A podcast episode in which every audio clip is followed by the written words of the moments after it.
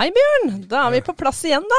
Hei, hei Karine. Ja, nå er vi på plass igjen i podkaststudio ved Moss bibliotek. Ja. Veldig morsomt å se deg igjen. like måte. Og vi, eh, vi er gira som aldri før, vi. Ja. Setter eldresaken på dagsorden. Så jeg syns det liksom er bare en snøball som ruller på for tida. Syns Ja. ikke du òg? Har det skjedd noe spennende siste uke? Nei, nå har vi jo vært i Moss-avisa, da. Ja, det var, har vi vært, ja, det var jo veldig spennende, da. Ja. Så, både fint bilde og fin tekst. Ja, vi, jo, vi har jo dette arrangementet 24. mai, bare gå rett på den, at det må vi jo gjøre kjent for mange. Så da var Moss-avisa og intervjua oss på den. Ja, og det er jo Det blir jo et eh, for så vidt stort arrangement, og jeg syns jo at det, at du gjør, og vi gjør en, en stor jobb for oss å få det her til å, å gå i hop. Jeg har stressa mye med penger og budsjetter og mas på folk og se om vi får folk eh, med oss. Og Senest var jeg på et møte i går i Pensjonistforbundet, og de syntes arrangementet var kjempespennende. Så de skulle gjøre alt for, for å være med og videre. Også bra. Åh. Syns det. syns det, For det er jo et arrangement eh, for eh, egentlig alle, men samtidig så er det jo et arrangement for eh, spesielt retta mot eldre og de som, eh, som, som er tilårskomne. Og det syns jeg at det, er viktig at de også får engasjere seg, at ikke bare vi, holdt på å si, ungdommen. Nå er jo du yngre enn meg, da, men allikevel. Ja, det kan diskuteres. Men eh, vi har jo en gjest i studio i dag også, og det, det som jeg syns er litt morsomt, det er jo at vi eh, ja, ja, Kanskje for to år siden Jeg har jo hatt en far som har vært dement og eh, tilbrakt vel to, to og et halvt år på Eskelundstunet ute i Rygge.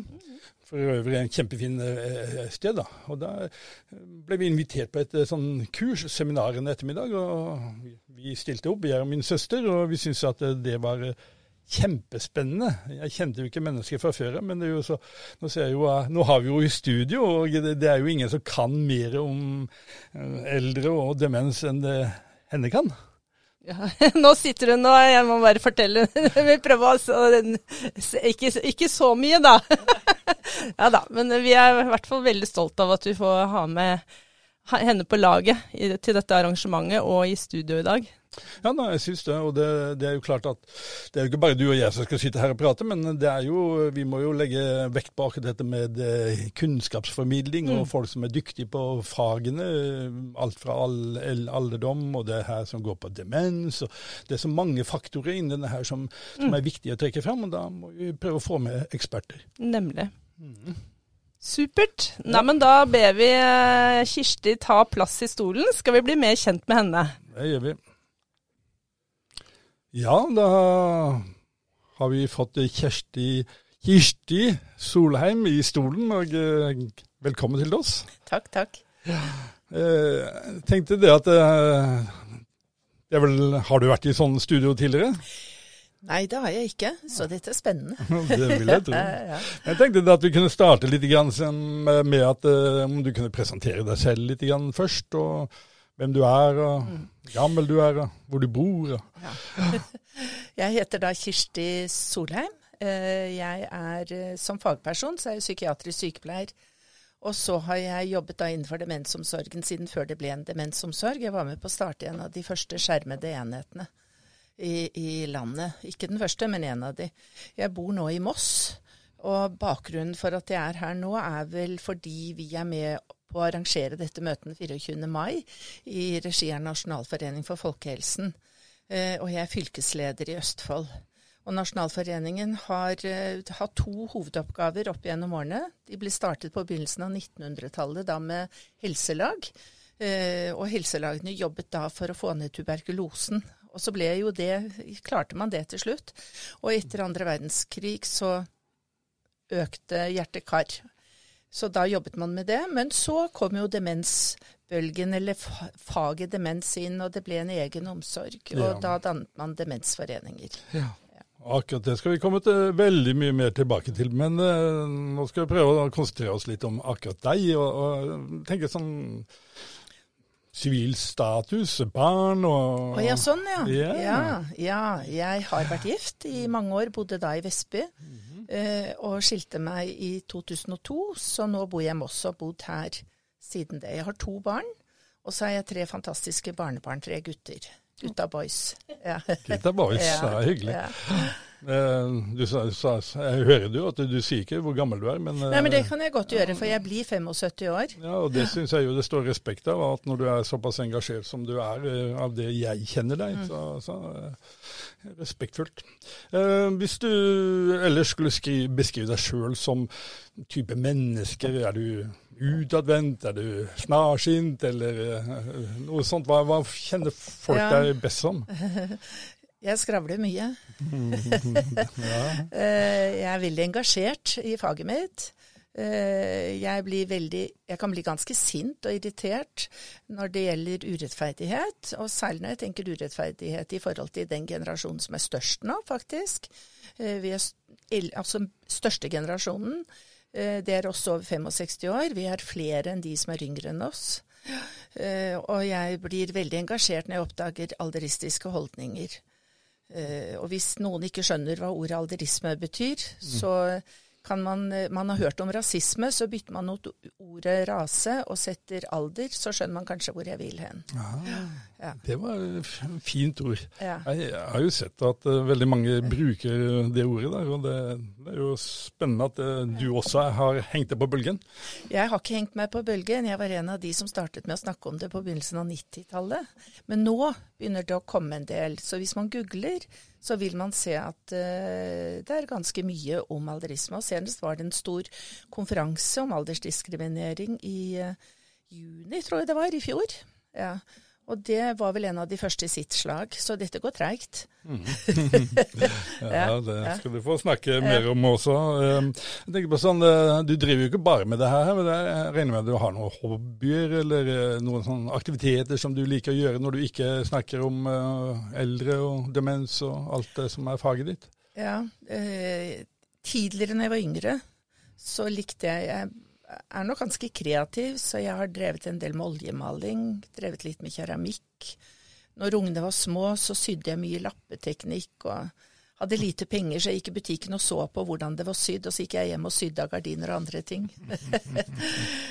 Men de siste åra så har jeg nok vært mer faglig engasjert, og jeg har jo drevet eget eh, enmannsforetak hvor jeg har kursa rundt omkring i hele landet og i Sverige og Danmark. Så det er det som er liksom blitt hobbyen din, Ja, at du driver eget Ja. eh, ensmannsforetak og reiser rundt og forretter saken din? Ja, og så er det jo slik, da, vet du, når du bor alene, så, så skal jo disse kursene forberedes. Så da går mye av fritiden til det. Men jeg har mye venner, jeg har et stort sosialt nettverk. Så jeg gjør hyggelige ting, og så er det jo barnebarna. Ja. Mm, viktig. Ja. Kjempeviktig. Ja, det er det. Um, vi pleier å spørre de i intervjuet dette med fun fact. Er, eh, altså, er det noen spesielle vaner eller uvaner du har lagt deg til som du har eh, si, skjemmes over eller syns er flaut? Ja, det kan nok sikkert være mange. Jeg er nok litt for rappkjefta noen ganger, det, det tror jeg. Og, og så har jeg jo da, som deg Karine, at jeg er veldig morgensvak. Eh, Og det betyr at jeg har lett for å kose meg utover kvelden, og det kan bli seint. Og da er det vanskeligere å komme opp. Så når vi avtalte at vi skulle være her klokka ti i dag, så tenkte jeg da får du et spark bak, kom opp. Ja, For hvis ikke så hadde jeg kanskje drøyd det litt. Men nå skal jeg ha et oppdrag i kveld, så jeg hadde jo i hvert fall vært nødt til å stå opp til det, da. Eh, motto, har du noe livsmotto i hverdagen din? Eh, ja, altså, jeg husker som ganske ung, så tenkte jeg det at eh, jeg må passe på at hvis jeg nærmer meg 80 år og får lov til å leve så lenge, så må jeg ikke ha kasta bort mulighetene. Så det er bedre å si ja enn å si nei, og så får man heller falle litt da og reise seg opp igjen. Ja. Og så tenker jeg også at jeg har levd litt etter at man må ha to tanker i huet på samme tid. Man kan ikke bare tenke på det som er godt, man må ta med det som er vanskelig også. For livet består av begge deler. Så jeg tror at de to tingene har nok vært ganske sånn førende for meg. Ja. Kloke ord. Veldig kloke ord. Det er jo klart at det, er noe som flere bør legge seg på minnet. Akkurat det der med at det er to sider av en sak. Ja, helt klart. Vi, vi skal gå inn på det her litt uh, nå utover, og så kanskje gå mer i detaljer på det som du brenner for, og som vi brenner for, og dette med eldre og, og demens. Så jeg tenkte Karine tar over litt. Ja, da er det rett og slett å spørre Jeg begynner litt sånn rett på sak på om hva du brenner for, for da får vi det kanskje det, det som ligger lengst framme først? Jeg brenner jo for demensomsorgen. Fordi at demensomsorgen står jo ganske lavt på kartet. For det første så er det eldre mennesker som ofte rammes, selv om det også kan ramme yngre, så absolutt. Men den største gruppen er jo eldre. Og eldre har liten plass i samfunnet i dag. Eh, og det er trist, for det er en kjempestor ressurs. Så det er nok det jeg brenner mest for. Og, og så Innenfor demensomsorgen så brenner jeg for at det også skal være faglighet, og ikke bare det jeg kaller i anførselstegn kyss, klapp og klem. Mm. For jeg syns det er det som ofte kommer fram, at eh, stakkars denne gruppen. Og vi må gjøre litt sånn, da vi får ikke holdt dem i hånden, og det ene med det andre. Selvfølgelig er det synd på folk uansett alder om de får en sykdom, men det betyr ikke at de er et offer. Nei. Nei jeg, og jeg tenker innenfor demensomsorgen så snakkes det veldig mye om trivselstiltak. Og så glemmer man å snakke om behandlingstiltak. Det er masse man kan gjøre, men det krever kunnskap. Og det er mye lettere for folk å fokusere på brudd og sår og medisinske diagnoser, for det er noe mer konkret. Men innenfor demensomsorgen så går det jo på intellekt som svikter. Det går på psykologi som er vanskelig eh, og utfordrende. Og så er det lett da å snakke om andre ting, istedenfor å gå inn i det. Veldig mange personer med demens som er deprimert i tillegg til sin demensdiagnose, særlig i starten på forløpet. Da har du masse intakt. Du, er, du har mye mer frist enn du har sykt, og du blir ikke tatt på alvor. Fordi folk har lett for å tenke når du får en demensdiagnose, så tenker de på en måte at du er på slutten av forløpet, og det er du jo ikke. Nei, det kan, det, kan jeg rett og slett spørre, tror du det har noe med ressurser å gjøre? At trivselstiltak ofte er med frivilligheten som, som står opp, mens med, skal du få behandling, så krever det kompetanse som ja. koster. Ja. Er det så enkelt som det, eller er det Nei, jeg tror ikke det. Jeg tror det har mye med holdningen til. Ja. Jeg tror man ikke skjønner og forstår mm. at det trengs kunnskap. Mm. Uh, og jeg har en følelse av, når man snakker om personer med demens, så er liksom dette med utfordrende atferd det er liksom noe som er en sannhet som kommer uansett.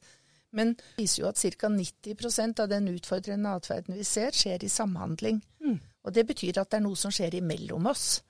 Det er ikke nødvendigvis hjerneskaden som er årsaken til det, men det er vi som er rundt som ikke klarer å tilpasse oss personen med demens sitt, sin situasjon og sin sykdom. Mm. Så det mangler på en måte kompetanse blant ansatte ja. og pårørende for den saks skyld. Egentlig, ja. Og politikere. Ja. For det er jo de som sitter og bestemmer dette. Og når vi har så mye aldristiske holdninger i samfunnet, både på systemnivå og ellers mellom oss, mm.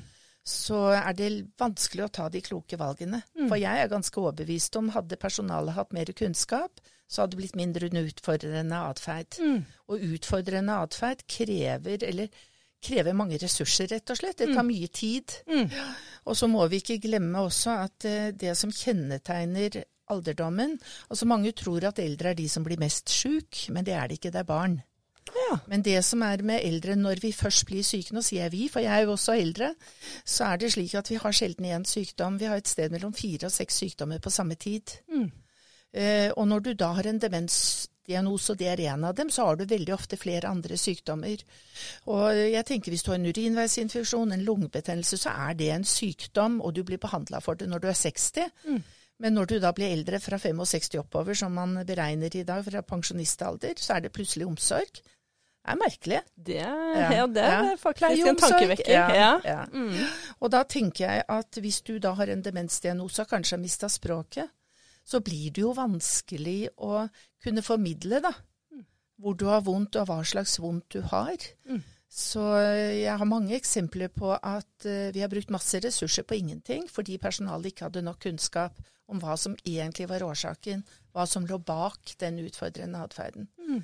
For ofte er det jo Altså Den eneste måten pas, pasienten har å vise det på, er jo å vise gjennom atferd hvis du har mista språket. Mm.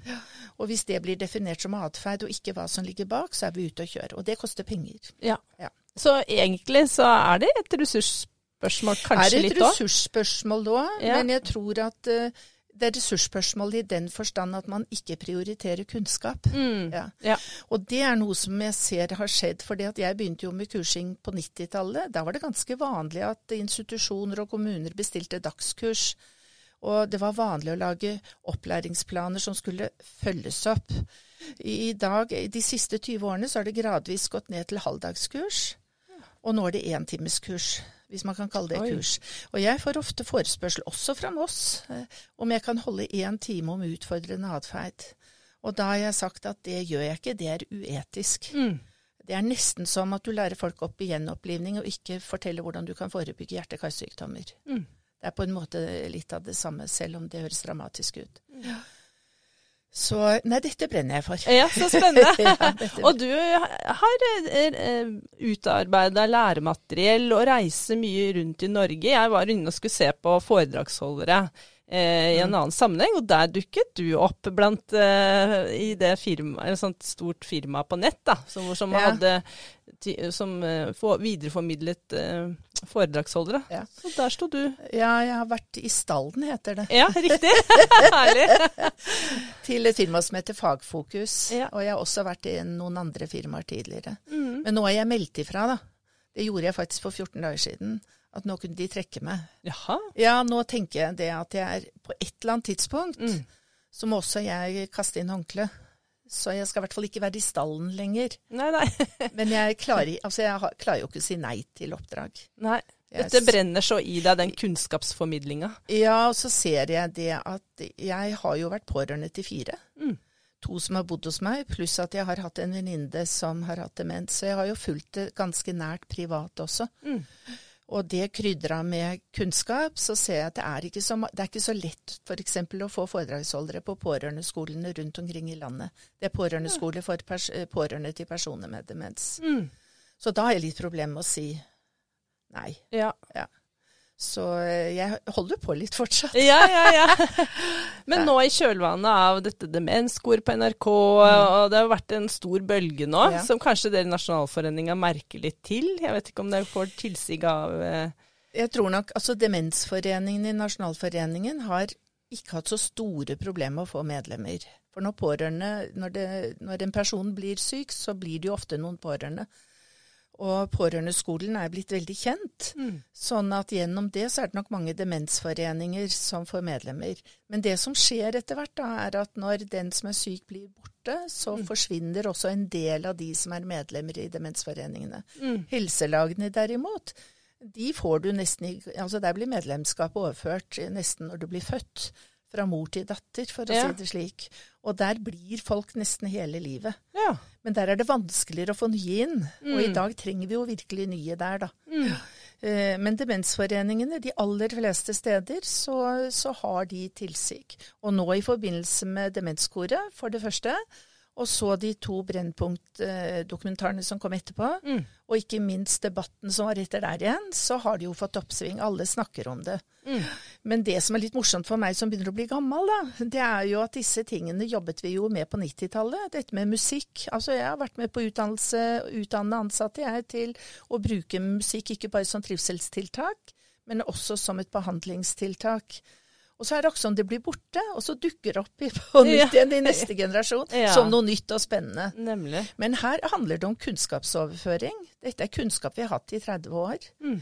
Så, øh, men det er veldig bra at det kommer nå, Ja. og det er veldig bra at det er fokus på det. Musikk er jo fantastisk, for Ja. du trenger ikke å ha det store intellektet intakt for å kunne synge. Det er pur glede, og så er det dette at man er sammen sosialt. Det er Ja. kjempebra. Det gir glede i hverdagen. Nemlig. Jeg har hørt flere eksempler på Ja. folk som har mista språket, men Ja. så får de på en sang de kjenner igjen fra barndommen, eller noe sånt, så kommer hele teksten. Det er jo helt utrolig. Det er jo fordi at uh, sang og musikk ligger i den andre hjernehalvdelen. Der hvor følelsene ligger mer. Altså, eh, og kreativiteten. Mm. Så når du da får kobla musikken inn, så kommer dette fram igjen. Og så er det jo sånn at den eldre generasjon, jeg og den yngre òg for den saks skyld, vi måtte jo pugge sk tekster på skolen. Ja. Mens i dag pugger man ikke tekstene på sku skolen, men man hører dem i øret hele tiden. Mm. Så, så det er jo noe med å synge musikk som den generasjonen kjenner til, da. Da vil også tekstene veldig ofte komme fram. Ja. Men jeg har jo hørt eh, pasienter som har eh, de- reklamer, eller reklamert eh, Terje Viken. Kunne alt utenat, men hadde ellers ikke språk. Tenk på det. Ja, så det Du ligger, når det er pugga inn, så ligger det jo der. Ja, nemlig. Så må bare få det fram på en Ja. måte. Og så tenker man jo at det, dette med demensutfordring er, er noe som hører den eldre generasjonen til i dag. Men der har du eh, vekka meg litt opp. Ja. Eh, det har vært slik når vi har beregna forekomst av demens, så har man brukt en nederlandsk metode for å regne det ut på. Og den har man brukt i mange år. Men så har man nå i Norge gjennom de siste 10-15 årene, kan godt tenkes det har vært lengre tid også, hatt en svær folkeundersøkelse som kalles HUNT. Eh, og der kom det nye data for noen år siden. Da trodde man i 2020 at det ville være ca. 78 000 personer med demens på landsbasis. Så viser den nye undersøkelsen at det er 101. Men fordi vi blir flere eldre, så øker dette dramatisk. Og hvis vi da tenker fram til 2050, som er din alder, Ja, ja, ja. ikke sant, så er det en tredobling. Ja. Og det er jo et tankekors, når man da tror at dette gjelder bare min generasjon nå. Mm. Så blir det flere for meg i i min generasjon nå, men det blir enda flere. Og det er jo mange som tenker da at ja, men innen den tid har vi løst gåten. Det skal man ikke være så sikker på.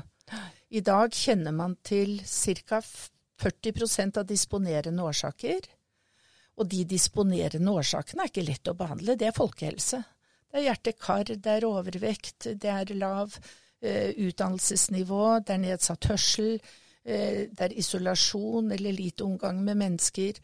Eh, altså mange faktorer til sammen som utgjør disse 40 prosentene.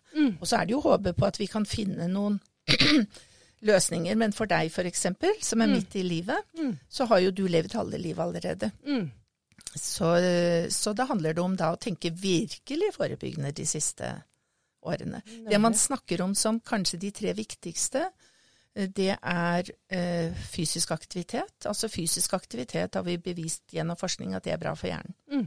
Og det er ikke så unaturlig. Det blir økt blodgjennomstrømning og i det hele tatt. Og så er det riktig kosthold, da. Mm. Eh, som er mye denne Hvis vi tenker i forhold til nasjonale retningslinjer, så er det en tallerken med halvparten grønnsaker, en fjerdedel karbohydrater som poteter og ris, og en fjerdedel med kjøtt, fisk Mm. etc. Og så er det det viktigste, det er å bruke hjernen. Mm. Og da er det ikke snakk om å bruke den sånn som du alltid har gjort, for da går hjernen i de samme sporene. Men for å si det litt flåsete, så handler det om at hvis du alltid har gått til høyre, så må du begynne å gå til venstre. Altså du må gjøre noe hvor du må trigge hjernen litt. Du Mm. må tenke og gruble. Eh, og holde hjernen ved like. Så det er derfor jeg holder på. Ja, det var det. Det er derfor jeg holder på. Ja. Engasjere seg, være med mennesker, Ja. er det ikke det ganske Jo, viktig også? Kjempeviktig. Ja. Og så er det jo det at vi vet på sykehjem, nå er det lite forskning på alderspsykiatri, men fra tidligere undersøkelser så regner man med at ca. 40% av de som er pasienter på sykehjem, de har en depresjon. Ingen som reagerer på det. Ingen får kanskje en tablett, men en tablett kan ikke erstatte sosialt samvær. Mm. Nei. Eller samtale. Hvordan har du det egentlig? Mm. Nei, vi, det er så liten tid at du går inn og du går ut igjen. Eh, så um, det å se folk og lytte til folk er viktig. Ja.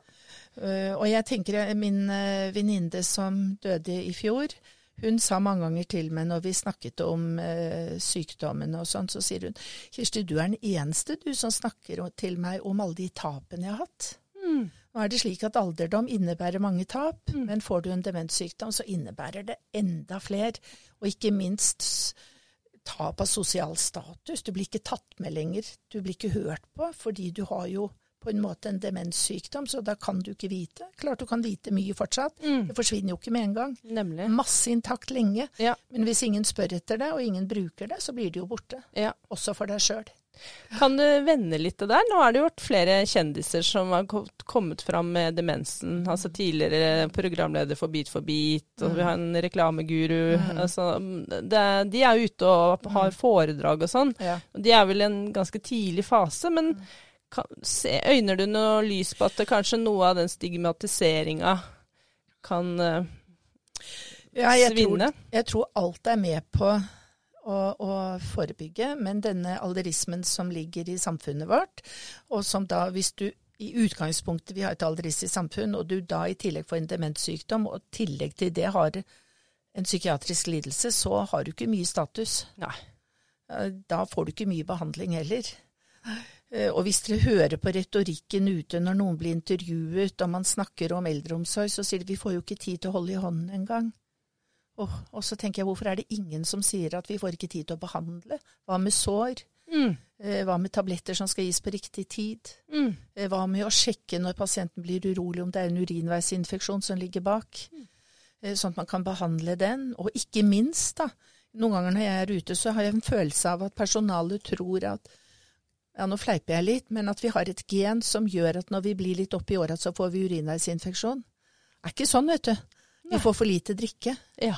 og vi beveger oss for lite. Mm. Så hadde vi nå i hvert fall fått nok drikke, sånn at vi fikk skilt ut. Men det får vi jo ikke. Glass blir satt fram, men hvis det står slik at personen med demens ikke ser det, så glemmer de jo å drikke det. Mm. For de må bli minnet på, de må se det. Mm. Og så er det jo slik at du ofte føler deg mindre tørst og mindre sulten når du blir eldre. Mm. Så her henger ting så veldig sammen, og egentlig så handler det om mange ganger om små ting, men det er kunnskap uansett. Ja. Og det er holdningen til. Mm. Og litt tid da for grunnbemanninga Ja. Mm. til å kunne liksom Oi, da hun, nå har hun jo ikke drukket, men har du fryktelig dårlig tid og flyr i gangene, så Du setter fra deg glasset på nattbordet, vet du, men Ja. hvis det står en 20 cm langt bak, så ser du det ikke. Nei. Så min svigerfar, som da hadde en vaskulær demens, men fungerte veldig bra, han ble påkjørt og brakk lårhalsen og kom på kirurgen. eh, Og det tok ikke mer enn to døgn før han hadde et delirium, altså en akutt forvirringstilstand. Og det var delvis på grunn av smerter flyttet til nytt sted, men han hadde jo ikke fått i seg væske på flere døgn. Nei. Og så sier personalet vi har jo satt det fram. Mm. Men det sto jo på nattbordet som sto en halv meter bak hodegjerdet på sengen, eller Ja. synsfeltet. Så han døde jo av det. Ja. Mm. Uff a meg. Når du ser den Brennpunkt-programmet, når du ser hun Mm. som var eh, dement eh, i hjemmet der, Mm. hadde en eh, medisindispenser som skal på en måte gå digitalt, Mm. og hun forsto jo ikke hvordan hun skulle få det ut, og ja, det var jo rot med tider å forstå når klokka var. Mm. Altså, Vil du si noe om alle de hjemmeboende demente? For det er jo så mye snakk om at folk skal bo så lenge som mulig hjemme. Det høres jo veldig flott ut, men Ja. Når du så denne det, det caset der, Mm. så gjør man med seg noen tanker, vel?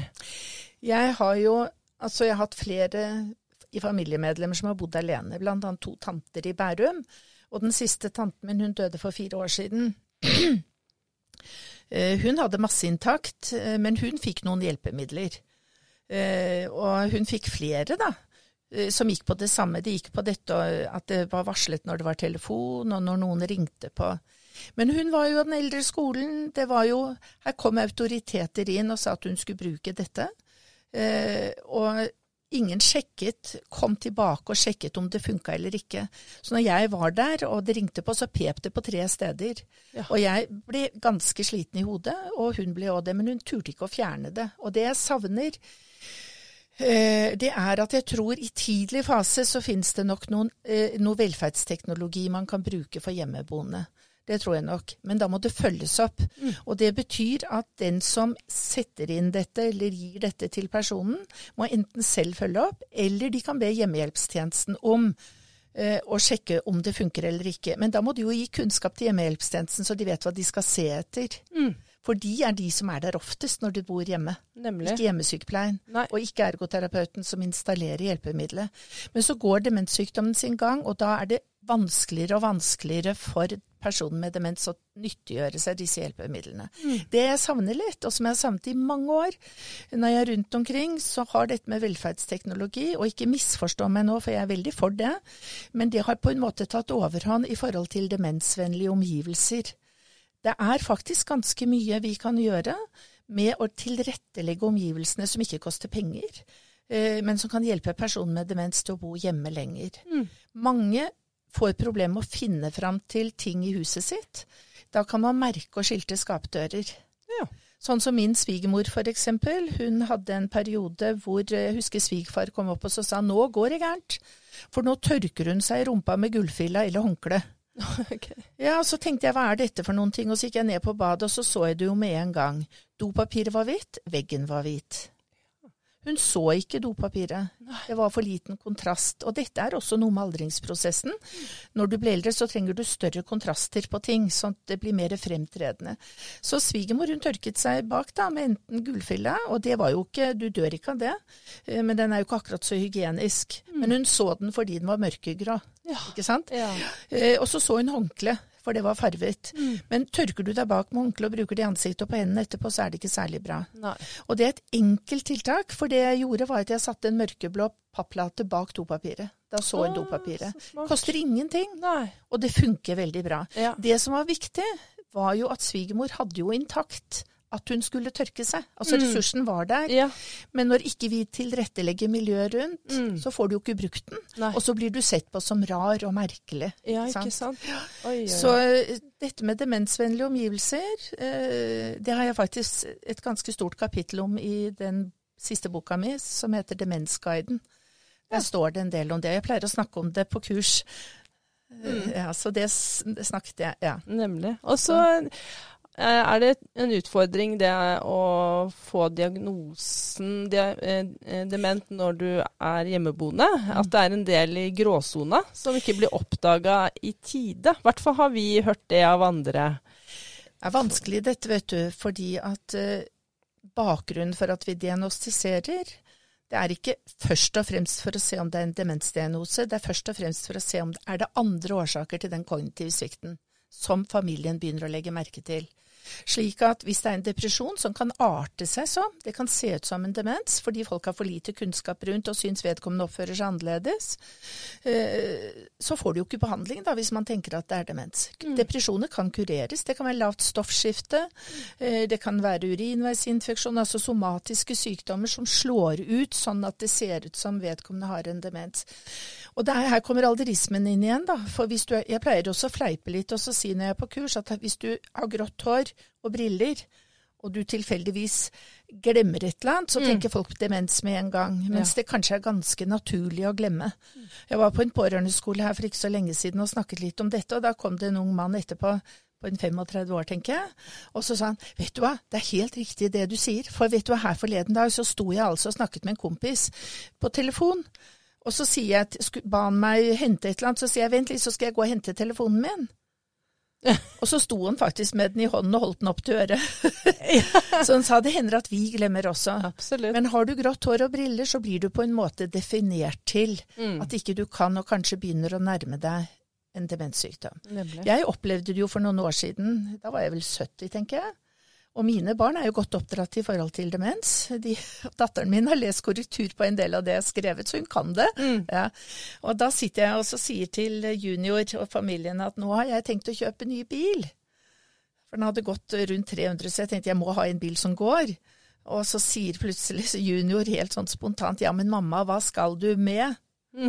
Og så kom han ikke lenger, for jeg tror han så ansiktsuttrykket mitt. Og så sa jeg å ja, du skulle til å si at ikke jeg trenger bil fordi jeg er for gammel. Nei, det var ikke det, da. Nei, han rodde fælt. Ja. Ja. Så det, det snakk, jeg, det nevner jeg for alt det jeg kan. Men det, det er mye av den. Og da begynner du jo å tvile selv. Så jeg tenker det å vite hva som er normalt i alderdommen, mot hva som er unormalt, er viktig. Og vi snakker ikke om hva som er normalt i alderdommen. Det gjør vi i alle andre sykdommer. Du må vite hvordan et friskt hjerte er for å vite hva som er sykt. Vi tar ikke en blodprøve uten at vi vet hva som er normalt. Men når vi kommer til alder, så er det forferdelig fort gjort å ta de normale aldringsprosessene, nå tenker jeg på det psykologiske og sosiale plan, plan, og ta det til inntekt for at det er begynnende demens. Ja. Og det er alderistisk. Nemlig. Og det er derfor det er viktig å utrede, sånn at hvis det er noe vi kan behandle, så behandler vi det. Og hvis vedkommende fortsatt har kognitiv svikt, så vurderer man om det kan være en demensdiagnose.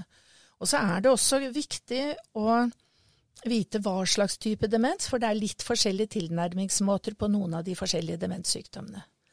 Vi regner med på sykehjem f.eks. at ca. 90% av pasientene har en demensdiagnose i dag. Men når vi ser totalen, så regner man med at av alle demensdiagnoser er ca. 60% Alzheimer. Da er det jo et tankekors når jeg har vært på noen sykehjem og de kartlegger, så er 90% alle sammen har Alzheimer. Da, da er det ikke utreda godt nok, og det er også alderistisk. Ja. Så vi fleipet jo med det før innenfor fagfeltet at demensdiagnosen kom gjennom postkassen. Altså i anførselstegn for all del. Men noen ganger så tenker jeg det at vi har nesten ikke kommet lenger. Nei, nei. Og det er jo noe med at det er ikke noe kunnskapstilegnelse. Det er for lite krav til kunnskap når man begynner i pleie og omsorg. Og det er jo også fordi at det blir færre og færre som vil jobbe der. Mm. Vi ser at de som har fagkompetanse, de slutter. Eh, det begynner å bli for tøft, og det er for lite faglig miljø. Mm. Ja. Og jeg tenker tilbake, jeg har vært avdelingsleder og oversykepleier tilbake i tid. Det skulle mye til at jeg skulle jobbe på et sykehjem i dag. Nå er jeg for gammel òg, Ja, ja, men... Så, men det er ganske stressfylt. Og Ja. du går på akkord med verdiene dine hele tiden. Og jeg tenker én ting er at ikke du får satt deg ned og snakke med folk, men du kan jo snakke med dem når du holder på med ting. mm. Ikke sant? Du kan se et menneske når du holder på under et stell og fange opp hvordan de har det. Men hvis personalet ikke har fått kunnskap om det, og har disse alderistiske holdningene i bagasjen som vi alle har, Mm. både jeg og dere og politikere og alle, de er så veldig de, er, de ligger i ryggmargen vår, dessverre, i vår kultur. Eh, Så blir det vanskelig. Da skal du, altså, en måte å endre holdninger på, det er jo kunnskap. Og når den kunnskapen mangler og blir krympa sammen til én time, Ikke sant? som egentlig er Du bør ha tre dagers kurs før du skal snakke om utfordrende atferd, så er det ganske skremmende. Mm. Men hva vil du Har du noen eh, beskjed til politikerne? da? Nå er vi veldig fokusert på Moss, da. Ja. Men eh, hva ville du si? Jeg vet at politikere snakker om eh, å øke grunnbemanningen f.eks. Ja. At det er Og heltidskultur. Det tror jeg er veldig bra. Heltidskultur. fordi at når jeg jobbet på Mosseporten i sin tid, og senere på Per Gynt, så eh, for å kunne klare turnusen, så har jeg jo opplevd at det er stillinger ned i 7 mm. Og hvis jeg da har en 7% stilling som vil si at jeg jobber en helg i måneden, så vil jeg egentlig i prinsippet måtte sitte hele helgen og lese meg opp på hva har skjedd med pasientene siden sist. Eh, og det går ikke. Det har du ikke tid til. Så jeg tenker at det å øke grunnbemanningen, men de må også legge opp til et opplæringsløp. Eh, og det, det må være en kontinuerlig bit. Altså jeg savner en plan. Ja. Jeg savner en plan, for det blir litt kanskje en time om urinveisinfeksjoner der, og en time om hjerteinfarkt der, og så en time om utfordrende atferd der. Det henger ikke sammen. Og så har man på en måte et alibi for jo da, vi driver med opplæring. Men man må jo sjekke om den opplæringen funker. Mm. Og det er slik at du kan ikke en ting av å høre det en gang. Da har du bare hørt det. Mm. Læring er at du må repetere det flere ganger. Og da må det repeteres. Det trenger ikke være kurs som repeterer det, men det må repeteres i praksis i avdelingen. Og det må snakkes om. Men er man så lite folk, og er det ikke kultur for det, man har ikke lært det, så blir det jo ikke noe samtale, noe refleksjon. Nei, og så er det noe med det å ha et sånt eh, kompetansemiljø på arbeidsplassen. Det fordrer jo at eh, ledelsen har en høy kompetanse. Eh, gjør det ikke det? Eller Jo. er det mulig jeg Jo, jo, nei, altså det må være kompetanse i hele systemet. Det er Ja. ikke bare nok å fortelle ansatte på gulvet hva de skal gjøre, men de bør faktisk vite hvorfor de skal gjøre det. Da er det Mm. lettere for dem å gjøre det. Ja. Nå finnes det mange kompetanseplaner, og det finnes mye bra. I Norge så ble det jo i desember, eller høsten 2017, eh, da kom det noen nasjonale føringer for eh, pleie og omsorg, eller eldreomsorgen, og det er at vi skal jobbe etter personsentrert omsorgsretningslinjer. Og der har man utviklet et program, et opplæringsprogram som heter VIPS. Og VIPS er et todagerskurs. Jeg tenkte at hvis Moss kommune i hvert fall hadde prøvd det, Mhm. ta to på hver eh, institusjon eller på hver avdeling som hadde fått gjennomført det, så kan de jobbe videre med personalgruppen. Da er det et ferdig opplegg eh, som hjelper de som har gått på kurset, til å, å følge opp dette i praksis. Veldig bra, jeg har tatt kurset selv. Mm. Men først og fremst så føler dette med hjelp til selvhjelp eh, Du har snakka om pårørendeskolen, eh, noe som ikke jeg har hørt om eh, før jeg ble kjent med deg. Og så sier jeg men hvordan skal jeg komme i kontakt med pårørendeskolen f.eks. og i, i tide? Nå har jo jeg fulgt min far i noen år, og så eh, tenker jeg som så at eh, jeg er ikke ung jeg heller, og så snakker du om planer. Jeg har planer på sykehjemmene, men, men burde ikke vi hatt noen planer for oss eh, selv også, sånn at vi kan kanskje i større grad eh, forebygge selvmord. Jeg kjenner meg igjen når du sier dette med din far som eh, hadde vannet stående framme, som ikke drakk. Min far var akkurat likedan, han ville ikke spise, og han hadde spist masse. Men, men, men, når vi spør han, så sier han jo det at um, nei, men jeg er ikke sulten, og jeg er ikke tørst, jeg trenger ikke. Men det må jo være noen måter på å, å, å lure det her i dem allikevel, sånn at de klarer å henge med. Jeg, jeg tenker det er ganske komplekst, men det som nok er, når man bor alene, kanskje eh, Jeg har tenkt mye på dette, fordi at i og med at jeg har jobbet med eldreomsorg og alder hele mitt liv, så har jeg på en måte jeg pleid å si at det eneste frynsegode man får i eldreomsorgen, det er at du får forberedt egen alderdom. Uh, og det jeg ser er at hvis man er to, så er det lettere å fastholde vaner som middag og frokost til faste tider. Blir du alene, så blir det litt tyngre. Og det er jo fordi at når du blir eldre, så er det så mange tap. Altså Når vi er yngre, så kanskje mister vi en, det er et stort tap, men når du er eldre, så mister du mange. Du mister anseelse, du mister jobb, du mister en plass i samfunnet. Det er så mange tap på samme tid. Og det første det går utover ofte, når du begynner å gå nedover da, i en spiral som eh, mer på den depressive siden, er jo at matlysten forsvinner. Det betyr ingenting. Og så er det jo en del sånne aldringsting som også skjer, at du må ha For at maten skal smake, så må den være mer farverik og mer krydra. Men det folk gjør når de skal ha mer krydra, er å putte på mer salt, som heller ikke er bra. Ikke sant? Og, og, så er det også det å sitte og spise og lage mat til deg selv som er pen og hyggelig, er ikke så lett. Jeg merket når jeg kom og besøkte tanta mi, og jeg hadde med litt lunsj, så tror jeg mange ganger at hvis jeg bare hadde sittet der i fem minutter, så hadde hun kommet i gang med spisingen. Eh, jeg satt der jo hele tiden, så hun spiste jo for flere uker, hadde jeg følelsen av fordi det var så godt. Og da tenker jeg at vi har noe som vi kaller medspising, som vi ser er viktig. Brukes altfor lite fordi det er for få ressurser. Og da tenker jeg at det er kanskje ikke penger i Moss, da, nå vet jeg ikke hvordan det er i Moss, men la oss si Moss, til å sitte og spise med alle pasientene en halvtime hver dag. Men kunne man smøre på maten, ta en kopp kaffe til seg selv og sitte sammen med vedkommende i fem minutter, sånn at den andre kom i gang med maten, så hadde kanskje det vært nok. Eh, sånt, eh, det nytter ikke å gi tabletter og slenge maten bare på bordet og gå. Må, det må være noe mer. Du må føle på en måte at det er en liten relasjon. Så jeg tenker at det er mange ting man kan gjøre, men det er én av tingene. Og skjønner man ikke det, så blir pasientene dårligere, og så koster det mer hvis man tenker penger.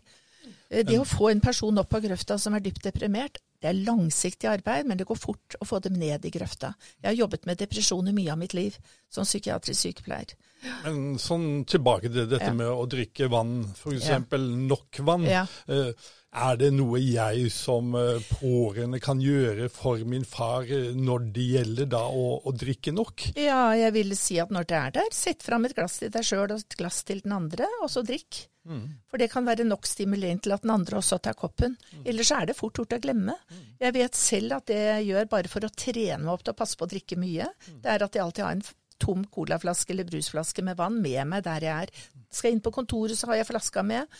Sitter jeg inne i stuen og ser på TV, så har jeg den med. Jeg har den til og med med veska nå. Da, da, da, tenker så, jeg litt ja. sånn, som, sånn, som, jeg følte det den gangen, at man, man, ender opp i en sånn situasjon Nei, jeg vil ikke drikke fordi at da må jeg eh, så ofte på do. Ja. Og så ja. er ikke det så lett for meg å gå.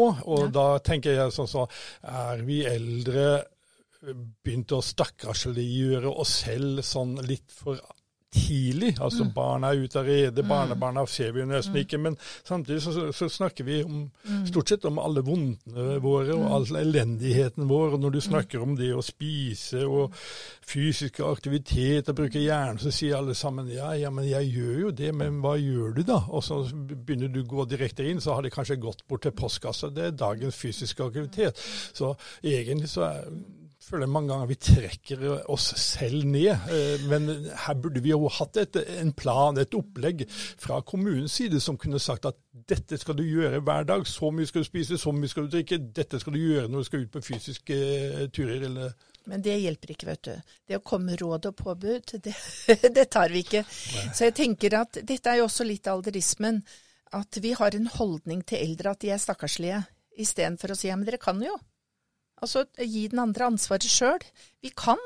Hvem er det som har sagt at ikke vi kan? Det er faktisk en del forskning som viser at når omgivelsene eh, sier at eh, du får ikke til, du kan ikke, så blir det slik. Altså blir det en slags selvoppfyllende profeti.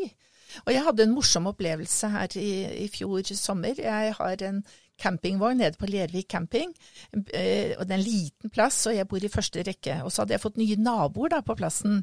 En veldig søt ung dame på ca. 50 år.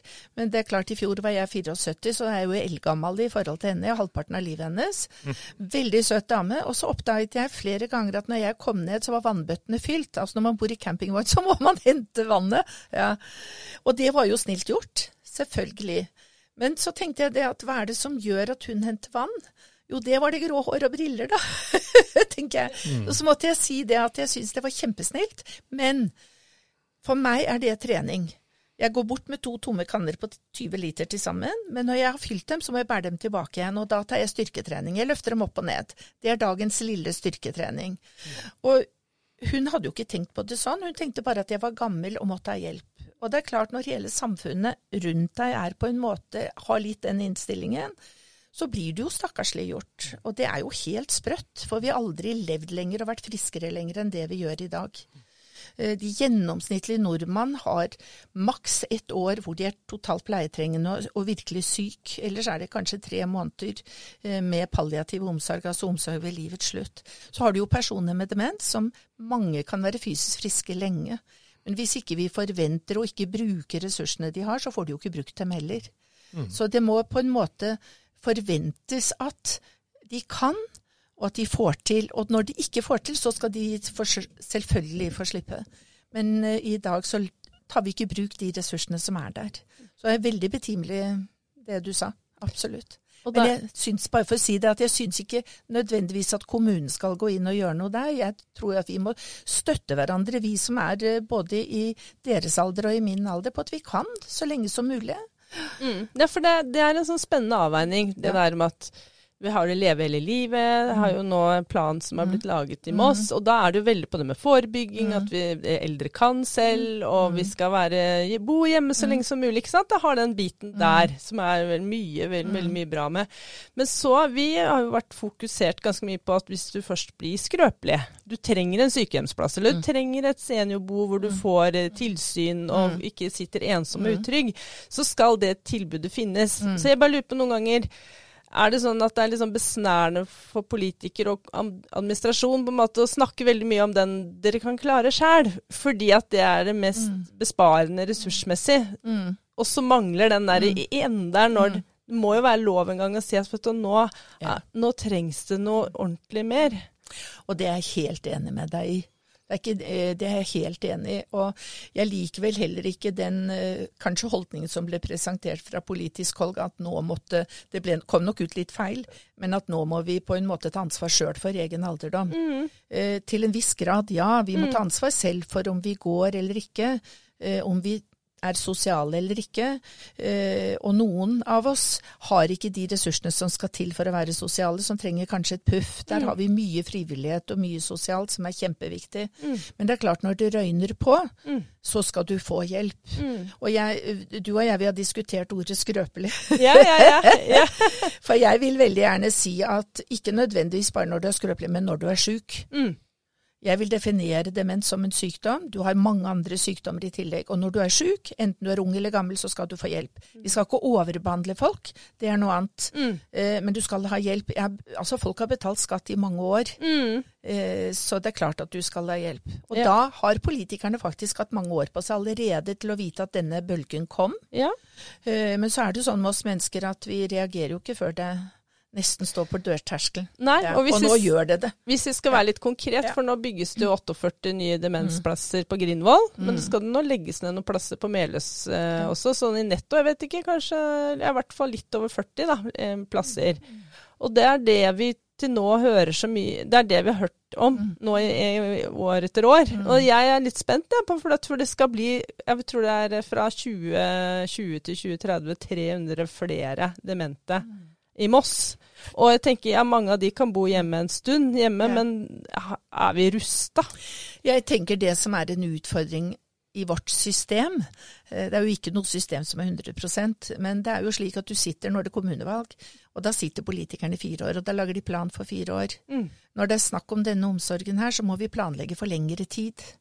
Eh, sånn at det er viktig på en måte at ikke bare den sittende regjering i kommunen, men at alle går sammen om en lengre plan. Mm. Jeg vet ikke om det går an å få til, men det burde gå an, for her er det så store utfordringer at eh, hvis man skal klare dette fram til 2050, så vet både dere og andre at det tar lang tid å planlegge en ny institusjon f.eks., eller nye omsorgsboliger Mm. etc. Ja. Og jeg tror at det vi altså tenker yngre personer med demens Det har ikke vært planlagt noe spesielt tilbud for dem, så vidt jeg vet.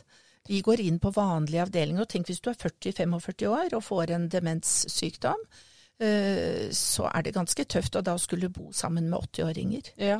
Også dagtilbud, for Dag- det, ja, der er det- også blitt eh, Ja. kommet fram nå, for nå har det blitt eh, kommet fram at det, er litt for lite differensiert tilbud Ja. for de eh, demente i tidlig fase i Moss. Ja.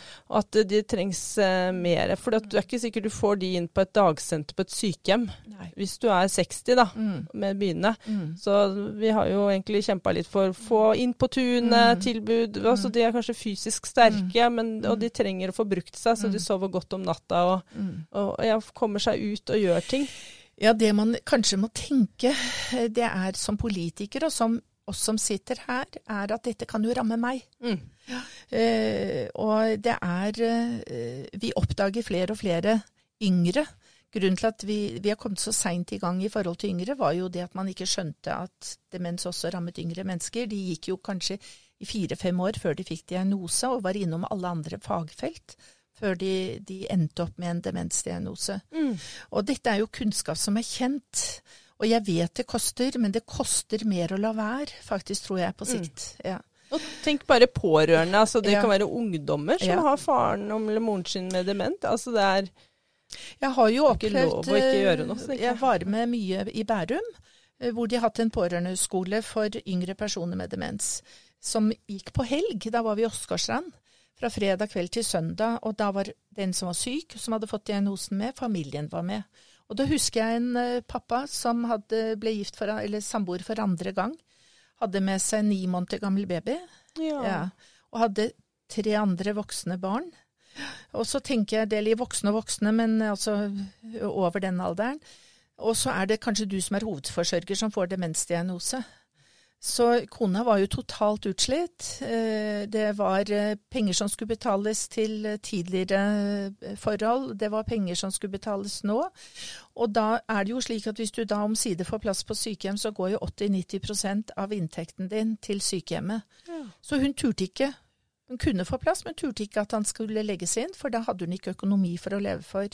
Så det er klart, her blir det helt andre problemstillinger som dukker opp, og som er ganske svære og rammer mange. Mm. Så dette er så komplekst, og uten at vi har en skikkelig plan som tar inn alt dette her, så får vi det ikke helt til å henge sammen.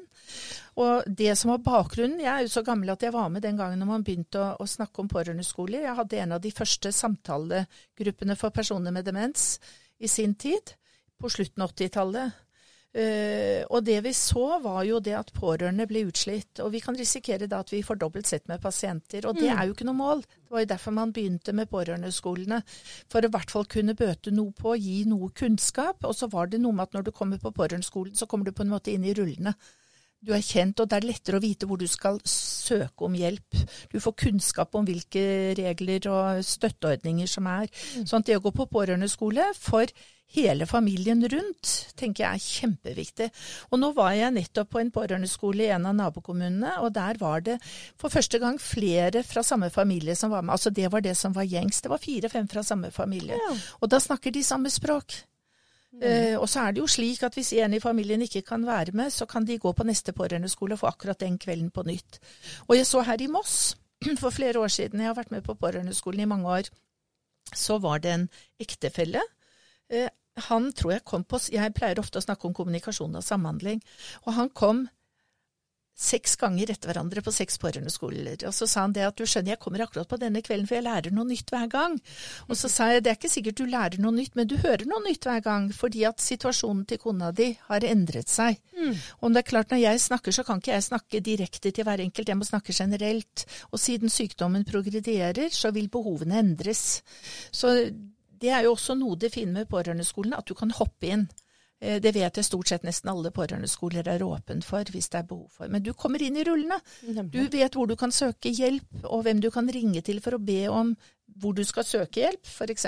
Ja, og ikke Så. minst kanskje å ha, møte andre pårørende, ja. og den, psykologiske ja. støtten det er. For du føler kanskje fort litt sånn igjen litt stigmatisert sjøl òg, egentlig. At det er en skam nesten eh, at og jeg har en dement ektefelle eller samboer. Ja, så tror jeg det som er verst, er vel at andre skjønner ikke helt hvilke situasjoner du står i. De ser pasienten fra en annen vinkel, som ser kanskje veldig frisk ut, men du som ektefelle f.eks. ser alle disse småtingene.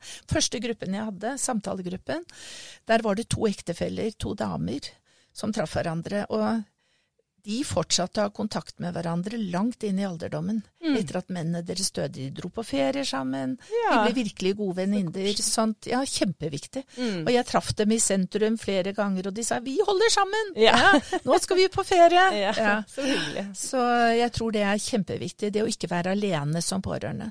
Og derfor anbefaler jeg også ektefeller. Mange vil liksom skjerme barna, for de har så mye. Og så sier jeg det at det er ikke smart. Få dem til å bli med på skolen. Mm. Sånn at dere kan dele på det. Dere kan godt tenke seg at du som ektefelle kan gjøre det meste, men da vet de andre situasjonen. Sånn at ikke det kommer som et sjokk, for det gjør det for en del barn. Nemlig. Det er kanskje den som er frisk som blir sjuk, og da blir den som har demensdiagnose værende igjen, og da ser de oi, hva mor eller far har hatt. Ikke sant. Så jeg tenker at jo tidligere vi står rundt, og så er det det at vi snakker til personen med demens, ikke over hodet på. Mm. Jeg hadde blitt forbanna ja. Hvis dere hadde snakket over hodet på meg ja. og ikke sett meg. Ja. ja. Og det merker du fort. Nemlig. Du merker disse øyebryna som løfter seg, og pusten, og blikket hvor man kaster et blikk til hverandre før man ser på personen igjen. Ja, ikke sant. Alle disse små tegnene. Men jeg vil også bare kort inn på det her med at uh, man det kan høres ut som politikerne uh, lener seg mye på at pårørende det blir jo bare viktigere og viktigere i framtiden nå mm. som vi mangler helsearbeidere. Mm. Men jeg kan ikke få det til å henge helt på greip, fordi at vi skal jo stå lenger i jobb, og vi vil jo at vi skal jobbe fullt. Mm. Altså, er det ikke et paradoks dette her? Man skal være to steder samtidig. Ta seg av den hjemmeboende demente, kanskje, mm. eller en forelder, mm. mens du også skal ut og jobbe. Og få inn skattepenger. Ja. Hva vil du si rundt det? Nei, jeg tror man tror at pårørende har veldig mye god tid. De aller fleste pårørende har jo vært der lenge allerede, så det å tro at de skal klare mer Altså, jeg har historier som jeg skjønner ikke at de pårørende har holdt. Og hvis man forventer at de skal holde lenger, så tror jeg det er en utopi. Mm. Jeg tror ikke det går. Da får vi i hvert fall to pasienter, mm. og det blir dyrt. Da mm. ryker fastlegeordningen, for å si det slik. Mm. Så jeg tror det at vi må nok stikke fingeren i jorden og se at i dag er det slik at pårørende tar den største byrden allerede. Så det å tro at de skal ta enda større byrde, det tror jeg ikke går. Nei, og så er det jo ikke noen sånne sykedager som du har for nei, barn. Nei. Det er også en ja. side ved dette ja. her. Eh, de Mange står jo midt i livet med gjeld, må jobbe, ikke sant. De har barn som skal følges opp etc. Og så skal de ha en foreldre de kanskje også skal følge opp. Mm. Eller en tante eller onkel som har lite mm. nettverk. Ja. Så nei, dette er ganske krevende. Mm. Dette er ganske krevende. Men jeg tenker jo det at vi må samarbeide. Vi må samarbeide med personen med demens først og fremst, ikke mm. over hodet på. Mm. Og så må vi samarbeide med pårørende, og så er det helsevesenet. Mm. Vi må stå sammen. Og i min tid i hjemmesykepleien i Vestby hvor jeg jobbet, så hadde vi jo møter med personen med demens og pårørende. Ja og fordelte litt oppgaver mellom oss. Og så kunne en pårørende si noe sånt som at vet du, nå er jeg inne i en fase på jobb hvor det er vanskelig. Og da kunne jeg si da går jeg litt oftere inn. Og så var det en annen datter da som sa men jeg kan også tre til. Og så hadde vi møter hver tredje måned, og så etter hvert så hadde vi møte en gang hvert halvår. Og så klarte vi å skreddersy en, eh, en plan. Det er min drøm, at ja. vi kan stå sammen og ikke kjempe mot hverandre. Nemlig. Og det er det jeg håper på møtet den 24., ja. når vi skal diskutere, at vi kan se at her må vi stå sammen, ellers ja. skjærer det seg totalt. Nemlig. Og vi må prøve å forstå hverandre. Mm. Sånn at vi kan komme fram til en fellesnevner. Og så må vi stikke fingeren i jorden og se at ja, det er ikke mye penger, men hvordan bruker vi de pengene, da? Mm. Hvordan bruker vi de pengene? Hva er viktig å satse på? Og jeg tror jo at kunnskap er viktig. For med kunnskap så kan vi bruke tiden bedre. Mm. Vi er kommer vel ikke helt bort fra at vi må kanskje prioritere også. Det må vi nok. Vi kan Ja. ikke få alt det vi har vært vant til å få. Jeg bare tenkte på Ja. at andre områder man bruker penger på i dag, Det kanskje må gå mer til helse, Mm. rett og slett. Mm. Eller at man bor på en annen måte, seniorbo f.eks., hvor folk eier sin egen leilighet, men man har et vaktrom eller et fellesstue hvor man kan ha hjemmebaserte tjenester litt mer stasjonært, kanskje, istedenfor å sitte i en bil. Ja. og, og så på en måte inn, mm. rigge seg til sånn at man får, ikke blir ensom og utrygg, men man må ikke rett på en sykehjemsplass, da, som vi vet er veldig dyrt. Jeg tror det som jeg har erfart opp gjennom mine år, at det aller viktigste er at man klarer å være fleksibel og lage tilpassede løsninger. Mm. Eh, Og jeg tenker særlig dette med at man er færre som går inn til hver pasient. Det er Ja. det mange kommuner som får til. Ja. Eh, Da burde nesten alle kommuner fått til. Fordi at det tar mer tid å skulle sette seg inn i hver situasjon når du er der sjelden, enn hvis du kjenner dem. Og for personen med demens gir det en mye større trygghet. De vil gjenkjenne personen som kommer. Nemlig. Eh, Så, men det er mange tiltak sammen. Ja. Ja, det er mange nemlig. tiltak sammen. Så det å være åpen for forskjellige løsninger, eh, det tror jeg er viktig. Ja. Og det er krevende for personalet òg, Ja. fordi at vi liker jo å ha det streit, ikke sant. Ja, ja, Da slipper du å tenke så mye. Da bare går du og gjør. Mm. Mens her må du tenke. Nemlig. Ja. Ja, men eh, jeg syns vi har vært gjennom mye ja, nå på denne Jeg vet ikke om det har gått en time her snart. Det var det jeg sa. Jeg snakker mye. Ja, det har gått en time og vel så det, så ja. jeg syns det har vært kjempespennende å lytte til deg. Du er, eh, du er utrolig dyktig på faget ditt, det skal du ha. Så jeg kommer nok til å lytte på programmet her flere ganger for å få med meg alle detaljene. Med, ja. Så jeg syns vi skal bare rette en takk til eh, Kirsti, og så si at eh, vel blåst. Eh, Etter... Takk for at jeg fikk komme. Jo, ja. Ja. bare hyggelig. Takk, takk.